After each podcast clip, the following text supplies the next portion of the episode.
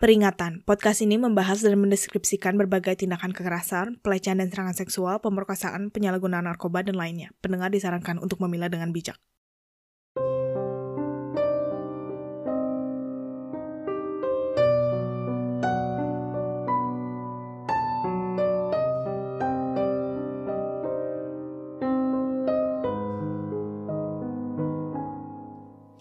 Hai semua, nama gue Mel. Selamat datang di Scarier Than Ghost. Di mana gue akan nyeritain tentang orang-orang yang menurut gue nih lebih serem dari hantu. Di episode pertama ini gue bakal cerita tentang salah satu pembunuh berantai yang paling terkenal di dunia. Namanya Ted Bundy. Nah, fun fact, Ted Bundy juga gimana ya, kasus pertama yang memang memunculkan ketertarikan gue terhadap dunia true crime. Kenapa sih dia terkenal banget? Gini deh, Coba kalian bayangin masing-masing, gimana sih penampilan pembunuh berantai biasanya gitu, kayak yang ditampilin di TV-TV. Pasti kita langsung kepikiran uh, penampilan yang kayak misalnya mukanya serem, atau pakai baju yang serba hitam, atau ngikutin dari belakang, atau bahkan om-om creepy atau yang mesum-mesum gitu ya, yang kelihatannya bakal nyulik kalian. ya enggak sih? Tapi yang bikin kasus Ted Bundy ini bener-bener magetkan banyak orang itu karena dia ini penampilannya kayak orang biasa. Dan bahkan orang bilang tuh kalau yang gue bayangin di otak gue gitu ya, dia mungkin penampilannya kayak dosen kalian atau mirip teman sekantor kalian yang kelihatan sangat normal atau bahkan berkarisma. Tapi ternyata di balik layar nih dia membunuh 30 plus perempuan dan bahkan berhubungan dengan mayat korban-korbannya. It's gonna be heavy. Ayo, kalau gitu um, mari kita mulai aja ceritanya. Sebelum kita ngobrolin tentang korban-korbannya si Ted Bundy, mari kita bahas tentang siapa sih Ted itu dan bagaimana masa kecilnya supaya kita bisa cari tahu kenapa sih dia bertumbuh menjadi orang yang sekeji dan sejat ini ya. Nama panjangnya adalah Theodore Robert Bundy. Dia lahir di tahun 1946 di Burlington, Vermont. So, di Amerika ya. Dia tuh masa kecilnya bisa dibilang nggak gampang. Uh, mamanya itu bernama Eleanor Louise Cowell Nah, si mamanya ini uh, hamil muda waktu dia masih remaja dan tidak bersuami. Dan zaman itu tuh perempuan yang hamil muda dan tidak bersuami itu benar-benar dipandang tidak baik dan memalukan nama keluarga. Nah, jadi orang tuanya mamanya si Ted Bundy yang adalah alias kakek neneknya si Ted Bundy ya, jadinya mengaku untuk mengadopsi si Ted Bundy dari mama kandungnya. Nah, jadi kakek neneknya ngaku kalau mereka itu adalah ayah ibunya si Ted Bundy dan mama aslinya yang adalah anaknya mereka diakui sebagai kakak perempuannya si Ted Bundy. Bingung kan lo? Sama, ini juga buat si Ted Bundy itu membingungkan juga dan dia um, mengetahui tentang hal ini tuh pas dia udah gede. Jadi kebayang gak sih ngerasa dibohonginnya kayak gimana? Yang anehnya gitu ya, ini ada rumor, tapi ini belum bisa dibuktikan ya, cuma rumor nih. Kalau kakeknya yang adalah bapaknya si Ted Bundy ini ya, dirumorkan si Ted Bundy ini hasil dari incest antara bapak dan anaknya. Yap. Um, tapi ini belum bisa dibuktikan, jadi hanya rumor doang.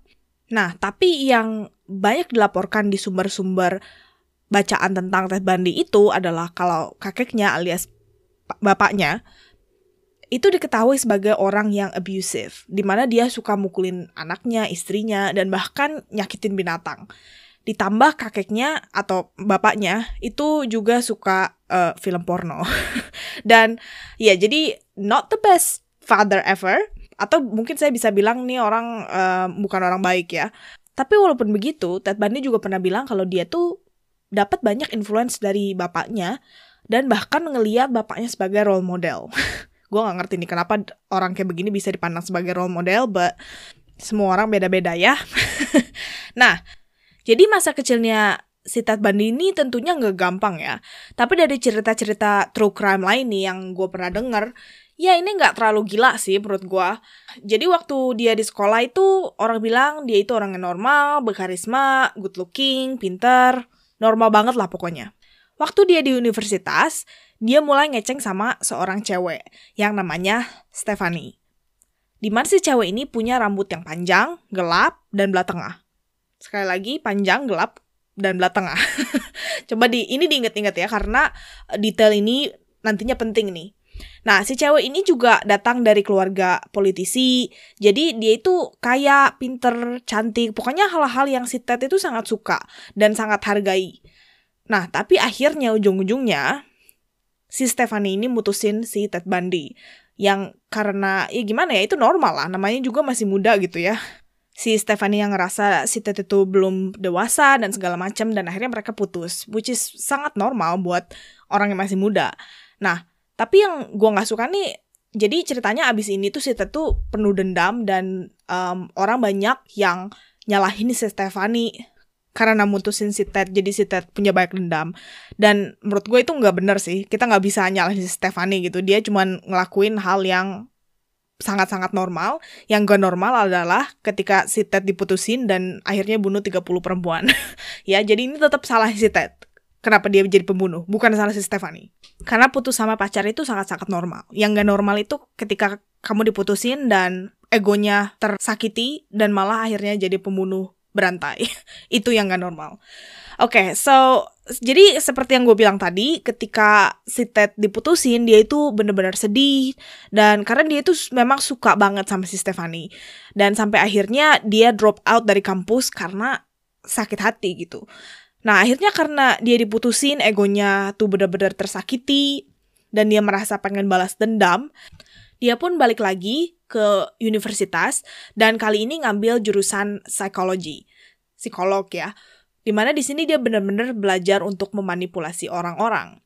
Setelah dia lulus dari jurusan psikologi ini, dia mulai berkarir di politik dan bahkan mulai memiliki karir yang cukup baik di ranca politik dan hukum.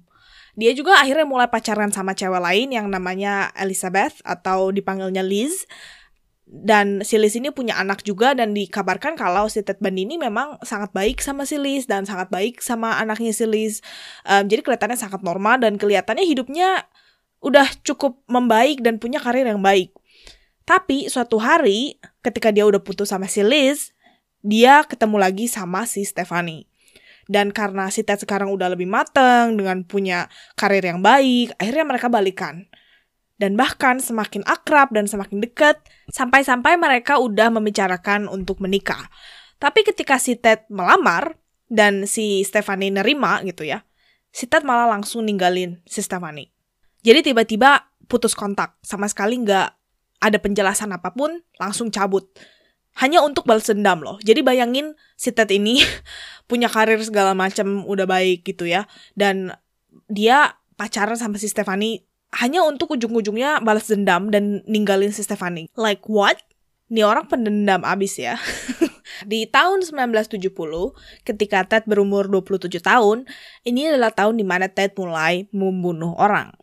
Tahun 1974, seorang perempuan bernama Karen Sparks, berumur 18 tahun, tiba-tiba kebangun malam-malam di kosannya ketika Ted lagi mukulin dan ngegebukin dia waktu lagi tidur. Bayangin gak sih lu lagi tidur enak-enak tiba-tiba ada yang ngegebukin lu di tengah malam. Dengan tongkat besi dari ranjangnya si Karen itu. Jadi ranjangnya itu terbuat dari besi dan ada part yang bisa diambil dan si Ted itu ngambil part itu dan mukulin dia malam-malam gitu. Dan keesokan harinya waktu si Karen diketemukan oleh teman-teman sekuasannya, dia ini diketemukan di kondisi yang sangat parah babak pelur, berdarah-darah, dan si tongkat besi yang dipakai sama si Ted untuk mukulin dia, itu ditemukan telah dimasukkan secara kasar atau dijejet gitu ya ke alat kelaminnya si Karen. So, ya, yeah. tragic. Tapi walaupun begitu, si Karen ini masih hidup. Bener-bener gila gak sih? Tapi dia memang akhirnya punya banyak luka-luka yang gak bisa sembuh seumur hidup. Kayak kerusakan otak atau organ dalam kayak gitu. Nah, selanjutnya ada perempuan bernama Linda berumur 21 tahun yang ketemu Ted waktu lagi di bar suatu malam. Nah, si Ted ini akhirnya stalking atau ngikutin si Linda waktu lagi jalan pulang dan menyelundup ke kamarnya si Linda. Dan waktu si Linda tidur, si Ted langsung mukulin kepalanya Linda pakai linggis. Ya, dan si Linda ini tinggal sama orang lain gitu ya dia tinggal sekosan uh, yang kamarnya sebelahan sama orang lain dan gak ada yang denger gitu loh waktu ini semua lagi terjadi dan bedanya kali ini si Ted bawa badannya Linda keluar jadi nggak ditinggalin di kamarnya Dan si Linda adalah korban pembunuhan pertamanya si Ted. Setelah ini, Ted membunuh empat perempuan lainnya, di mana empat korban ini dibunuh dan dikubur oleh Ted di pegunungan. Namanya Donna 19 tahun, Susan 18 tahun, Roberta 22 tahun, dan Brenda 22 tahun. Di pegunungan di mana si Ted nguburin mayat-mayat orang ini adalah daerah yang benar-benar terselundup gitu ya. Nggak banyak orang yang lalu lalang. Si Ted ini suka balik lagi ke tempat penguburan ini untuk berhubungan badan dengan mayat-mayat korbannya sampai tubuh-tubuh mayatnya ini udah terlalu membusuk atau terlalu keras gitu untuk tanda kutip dipergunakan. Dan setelah itu tubuh-tubuh korbannya ini dia penggal gitu. Jadi ketika polisi nemuin tubuh-tubuh korban-korban si Ted itu mereka banyak yang cuma nemu kepalanya doang atau tengkoraknya doang.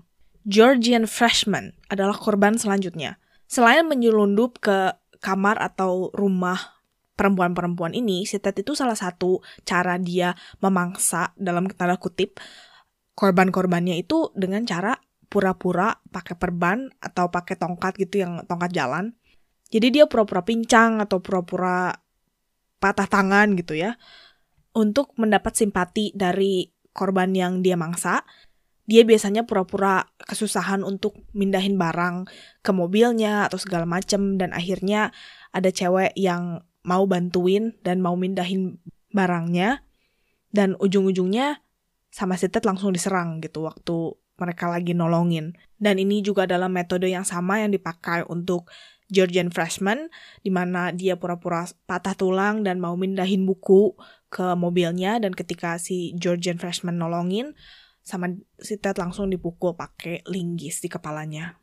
Lalu nyulik mereka untuk dibawa ke tempat terpencil untuk dibunuh dan diperkosa.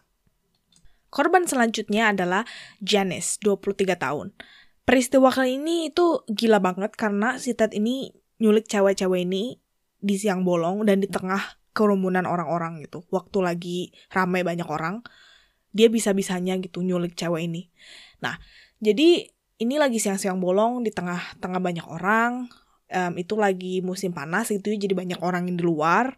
Dan lagi-lagi dengan cara yang sama, dia minta tolong ke si Janice ini untuk mindahin perahunya. Jadi um, ini itu tempatnya di dekat sebuah danau gitu ya. Jadi dia bilang dia punya perahu dan dia butuh bantuan untuk mindahin perahunya. Dan akhirnya si Janice bilang, oke, okay, gue bakal bantuin dan ketika si Ted bawa si Janice ke mobilnya si Janice lihat ini kok nggak ada perahu ya di sini dan sebelum si Janice bisa lari si Ted langsung nonjok dia dan langsung nyulik dia dan akhirnya dia dibawa ke tempat terpencil diikat di pohon tapi si Ted nggak langsung ngebunuh si Janice si Ted malah ninggalin dan biarin si Janice di keikat di pohon itu gitu ya nah akhirnya si Ted malahan balik lagi ke tempat yang rame untuk nyulik cewek lain. Lu bayangin gak sih?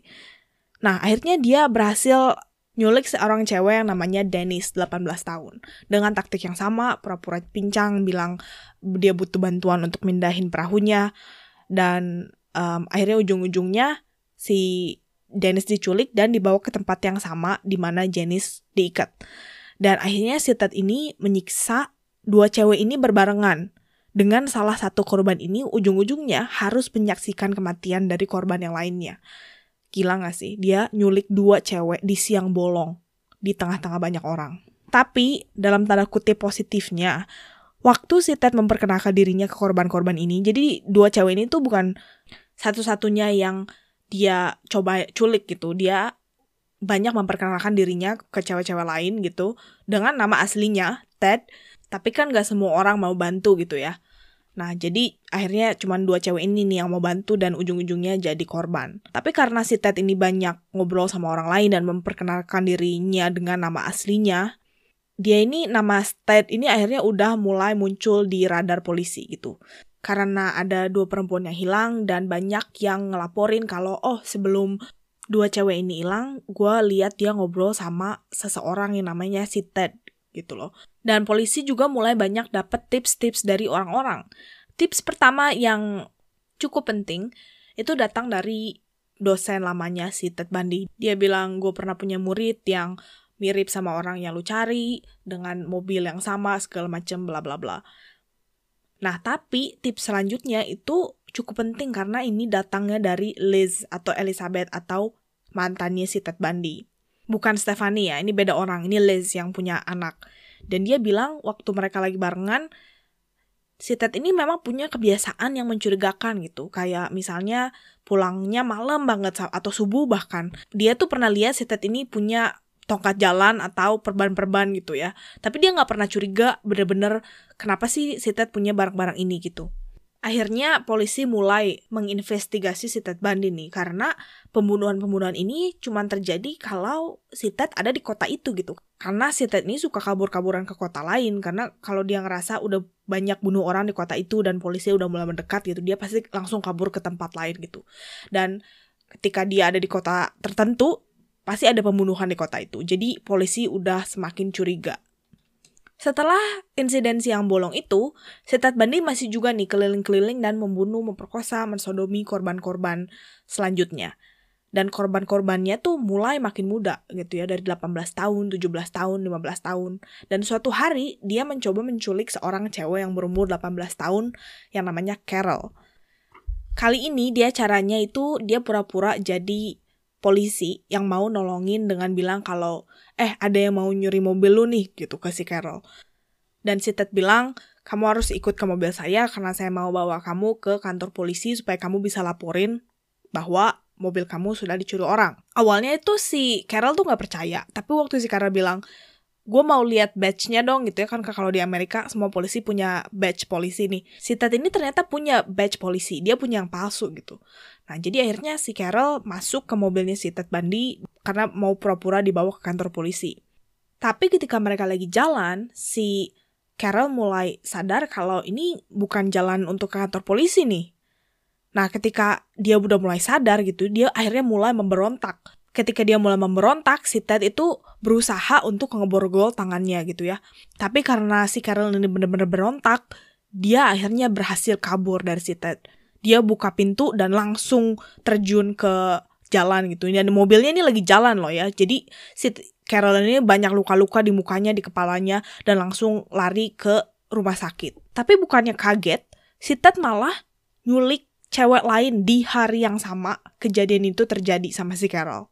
Jadi dia nyulik cewek lain di sebuah teater dan ketika si cewek ini dilaporkan ke polisi kalau dia menghilang dan si polisi datang ke teater itu untuk meriksa tempatnya, si polisi berhasil nemuin sebuah kunci kecil di daerah teater tersebut gitu ya. Dan sebelumnya mereka udah dapat laporan nih dari rumah sakit kalau misalnya ada cewek yang pakai borgol dan ngelaporin kalau dia habis diculik gitu ya. Dan benar aja, kunci yang si polisi ketemuin di lokasi di mana cewek kedua itu diculik bisa ngebuka borgolnya si Carol. Nah, jadi si Ted Bundy ini udah mulai deket di hidungnya polisi nih. Dia udah mulai deket di radarnya polisi. Dan polisi ini bisa mengaitkan korbannya si Ted yang satu dengan lainnya karena si Ted ini punya profil korban yang selalu dia ikuti gitu. Jadi semua korbannya itu mirip sama si Stefani gayanya, gaya rambutnya. Rambut panjang, warna gelap, belah tengah. Semua cewek yang dia culik, dia dia perkosa, itu punya profil yang sama. Makanya detail yang tadi saya bilang di depan itu penting. Karena ini jadi profil korbannya si Ted Bundy. Tapi walaupun begitu, belum ada bukti yang kuat yang benar-benar mengaitkan si Ted dengan pembunuhan atau penculikan-penculikan perempuan-perempuan ini. Jadi dia belum bisa ditangkap sama polisi nih. Dan saat itu pun si Ted Bundy membunuh korbannya yang sangat muda. Mungkin paling muda ya. Berumur 12 tahun. 12 tahun bayangin. Namanya Lynette. Suatu hari Ted lagi cetir di, jalan raya gitu ya, dan ada polisi yang mencurigai mobilnya si Ted. Polisi ini bukan curiga karena dia tahu om itu mobilnya si Ted Bundy, tapi ya karena mobilnya memang mencurigakan gitu dan kalau di Amerika tuh polisi banyak ngeberhentiin mobil-mobil yang kelihatannya mencurigakan karena barangkali ada narkoba yang mereka selundupin gitu segala macam. Dan akhirnya mereka curiga sama mobilnya si Ted dan mobilnya si Ted diberhentiin dan bilang kita mau periksa mobil kamu gitu. Dan ketika si polisi berhasil meriksa mobilnya si Ted, mereka nemuin sebuah ski mask, sarung tangan, linggis, dan barang-barang lainnya yang Ted gunain untuk bunuh orang gitu. Jadi ini bener-bener ya murder kit gitu ya. Tapi walaupun ini sangat mencurigakan, secara teknisnya barang-barang itu tuh nggak ilegal gitu. Jadi saat itu si polisinya itu nggak bisa menangkap si Ted karena barang-barang ini gitu. Jadi akhirnya si Ted dibebasin lagi lah sama polisi. Setelah peristiwa itu, akhirnya si Ted udah ngerasa, aduh polisi udah mulai mencurigai mobil gue nih. Nah akhirnya dia mencoba ngejual mobilnya. Tapi karena ini, karena dia berusaha menjual mobilnya, polisi akhirnya bisa nemuin helaian rambut dari korban-korbannya si Bandi di mobilnya. Bandi akhirnya ditangkap dan Carol yang berhasil kabur juga bisa mengidentifikasi si Bandi waktu di kantor polisi. Dia bisa ngenalin kalau iya nih, orang ini nih yang waktu itu berusaha nyulik gua. Nah akhirnya Bandi pun ditangkap dan terbukti bersalah untuk penculikan dan penyerangan terhadap si Carol.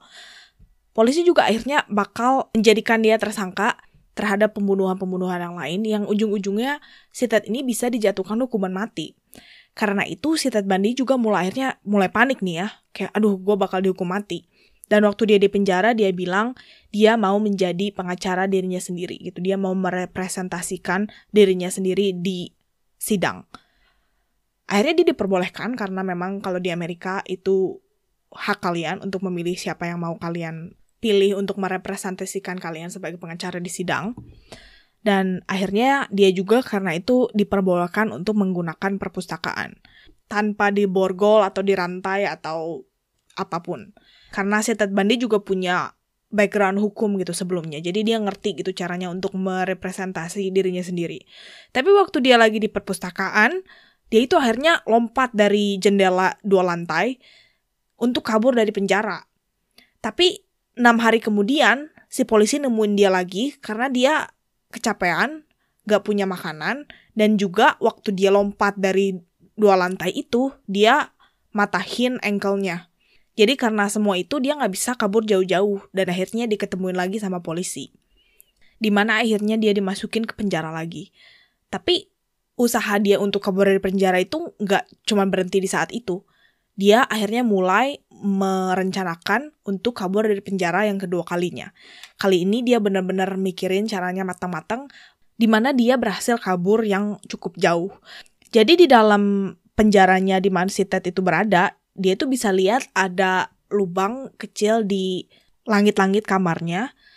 Dan akhirnya dia itu diet keras dan gak makan gitu ya, supaya dia bisa cukup masuk ke lubang itu. Dan lubang itu ujung-ujungnya adalah pintu depan atau pintu masuk dari penjaranya dan di mana dia di hari dia kabur dia mencuri seragam polisi dan langsung aja jalan keluar dan mencuri mobil gitu. Dan gak ada yang ngestop dia sama sekali. Dan hari itu juga si penjaranya lagi kekurangan staff gitu. Jadi kekurangan polisi yang ngejagain biasanya. Jadi dia bisa kabur dengan segampang itu. Akhirnya dia pun kabur ke kota lain dan di satu malam dia menyelundup ke satu rumah dan membunuh beberapa perempuan di rumah yang sama. Dan bahkan setelah itu, di malam yang sama, dia menyelundup ke rumah lainnya dan membunuh perempuan lainnya. Tapi korban terakhir nih yang dia coba bunuh ternyata survive tapi dengan kerusakan otak yang permanen. Jadi gila gak sih? Dia malam itu benar-benar membabi buta dan membunuh banyak orang dalam semalam. Tapi ujung-ujungnya polisi tetap berhasil nangkep dia lagi. Dan waktu dia di jalan, dia itu bilang ke polisi yang nyetir mobilnya gitu, I wish you had kill me. Karena dia bener-bener gak suka ada di penjara. Dan akhirnya Ted pun disidang untuk semua pembunuhan-pembunuhan lainnya dan dia mengaku bersalah terhadap pembunuhan 30 orang. Walaupun banyak orang yang bilang kalau ini kayaknya si Ted ini bunuh lebih dari 30 orang, bahkan mungkin ratusan orang. Dan dari situ pun Ted akhirnya diputuskan untuk dihukum mati dengan cara di kursi listrik. Dan biasanya tuh kalau misalnya seseorang dijatuhkan hukuman mati, di malam terakhirnya dia itu boleh dikasih pilihan untuk milih makanan apa pun yang dia mau gitu sebagai makanan terakhir. Dan si Ted ini menolak untuk merequest makanan terakhir dan akhirnya dia dikasih menu standar untuk makanan terakhir di penjara itu gitu. Dan bahkan itu juga sama si Ted Bundy gak disentuh gitu. Dan pada tanggal 24 Januari 1989, di umur 42, Ted Bundy pun dihukum mati di kursi listrik. Di mana tuh waktu di lokasi di mana dia dihukum mati itu banyak orang yang berkerumun dan bersorak-sorai.